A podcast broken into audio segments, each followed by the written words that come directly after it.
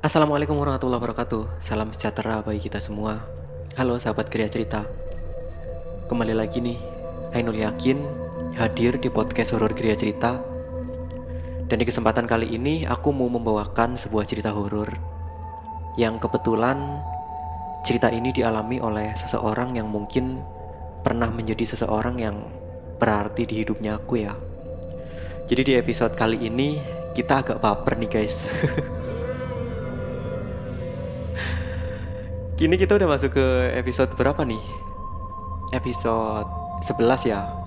Alhamdulillah ini kita udah masuk ke episode yang ke-11 ya Dan Aku mau ngucapin makasih banyak buat kalian yang udah subscribe Gria Cerita Channel. Buat kalian yang baru nemuin Gria Cerita Channel Silahkan kalau kalian suka dengan cerita-cerita horor yang aku bagikan Yang aku ceritakan Jangan lupa kalian tekan tombol subscribe ya bagi yang belum subscribe. Makasih banyak juga buat kalian yang dengerin aku lewat podcast.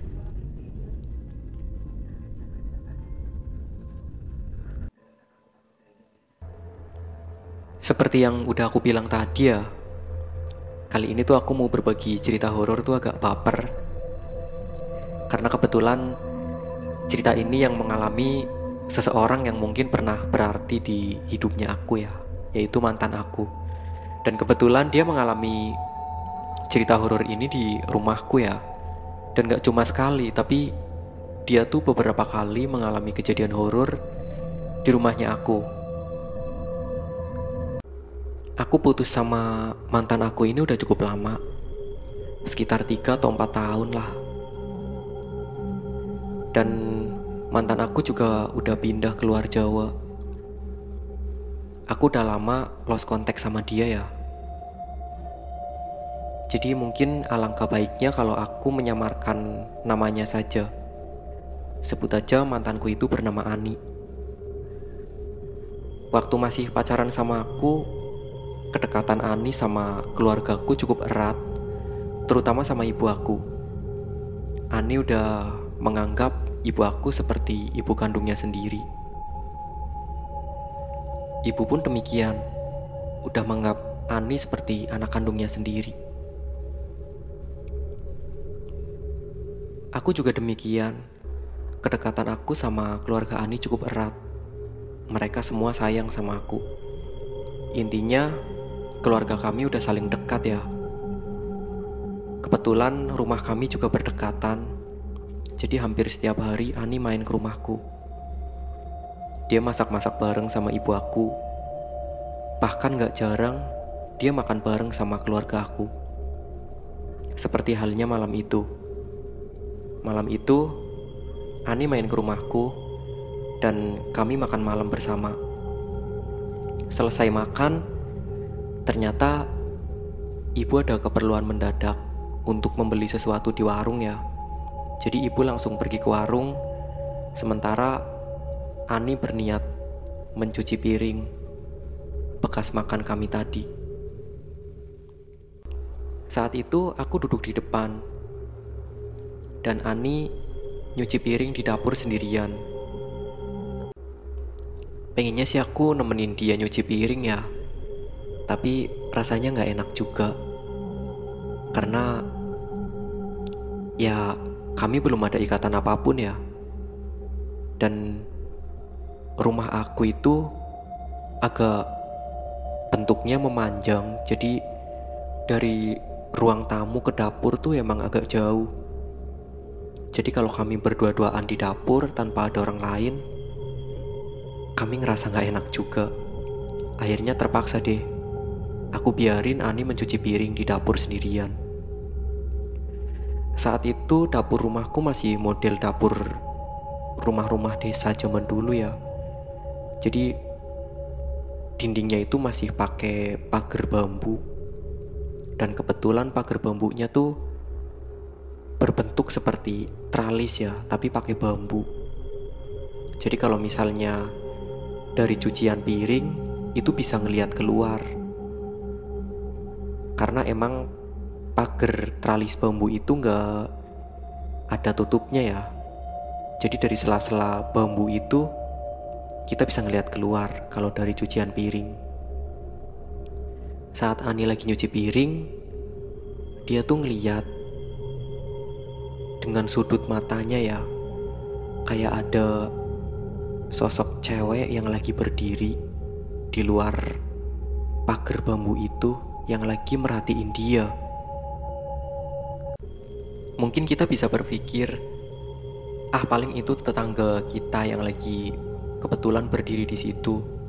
Apa mungkin ah itu mungkin orang yang emang lagi lewat. Kalau misalnya di belakang rumahku tuh emang ada rumah lagi. Atau mungkin di belakang rumahku tuh jalan gitu ya. Tapi di belakang rumah aku itu kebun. Jadi ngapain dong malam-malam ada cewek yang berdiri di situ? Mau ngintip rasanya nggak mungkin kan? Karena emang tetangga aku nggak ada yang iseng suka ngintip-ngintip kayak gitu tuh rasanya tuh enggak gitu. Dan kata si Ani ini si cewek yang berdiri itu tuh kayak lagi memperhatikan Ani gitu kan. Dan Ani tuh cuma ngeliat sosok cewek itu dengan sudut matanya ya jadi dia nggak bener-bener melirik langsung gitu. Dan setelah si Ani melirik langsung memandang penuh sosok itu ya ternyata nggak ada siapa-siapa kalau misalnya orang kan nggak mungkin kan ngilang secepat itu kalau jalan pasti kelihatan karena pagar bambu di rumah aku yang bentuknya kayak tralis itu tuh lumayan luas. Jadi kalau misalnya ada orang yang berdiri di situ, seandainya orang itu lari pun pasti kelihatan. Nggak mungkin langsung hilang gitu aja. Jadi saat itu habis mencuci piring, Ani langsung cerita sama aku sambil ketakutan gitu ya. Dia nyalahin aku juga sih, kenapa kamu tadi nggak nemenin aku nyuci piring gitu. Kemudian ada lagi cerita yang dialami sama Ani dan dia ngalaminnya di rumahnya aku. Saat itu Ani lagi pinjem laptop aku buat main game. Dan laptop aku ini kalau misalnya nggak dicolok ke charger dia nggak bisa hidup. Karena emang baterainya udah rusak ya. Dan saat itu Ani main game berada di ruang tengah rumahku Sementara aku dudukan bareng teman-teman di beranda depan rumah. Saat itu pintu ruang tengah yang menuju ke dapur tertutup.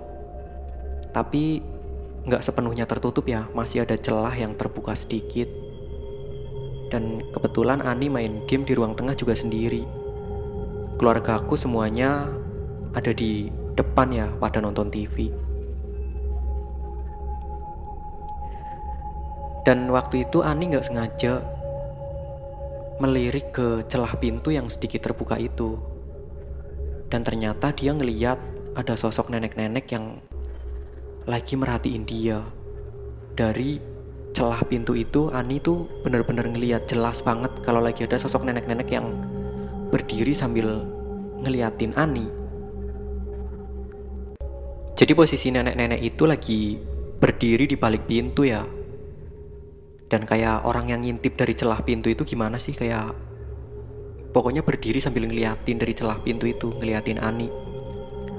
Nah terlepas dari kisah yang Ani alami ini denger-denger emang di belakang rumahku ada sosok nenek-nenek ya jadi di belakang rumahku itu kan ada kebun dan kebun itu masih cukup luas mungkin masih muat untuk rumah dua lagi ya kebun itu ditanami pohon bambu sama pohon kelapa dan katanya di situ ada sosok nenek-nenek yang suka bolak-balik. Nenek-nenek itu juga suka kayak nyapu gitu dan ini aku sendiri yang mengalami. Waktu itu aku bangun sekitar pukul setengah empat pagi ya. Jadi belum subuh dan aku denger kayak ada orang nyapu pakai sapu lidi gitu loh di kebun belakang rumahku. Sebenarnya masih banyak cerita horor yang dialami sama mantanku dan dia mengalaminya di rumahku tapi mungkin ini dulu ya yang bisa aku bagikan buat kalian di kesempatan kali ini.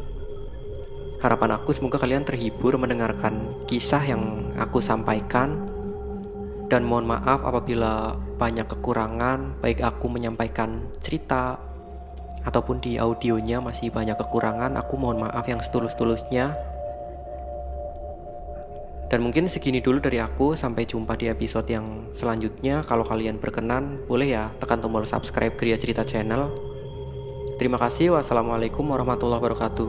See you.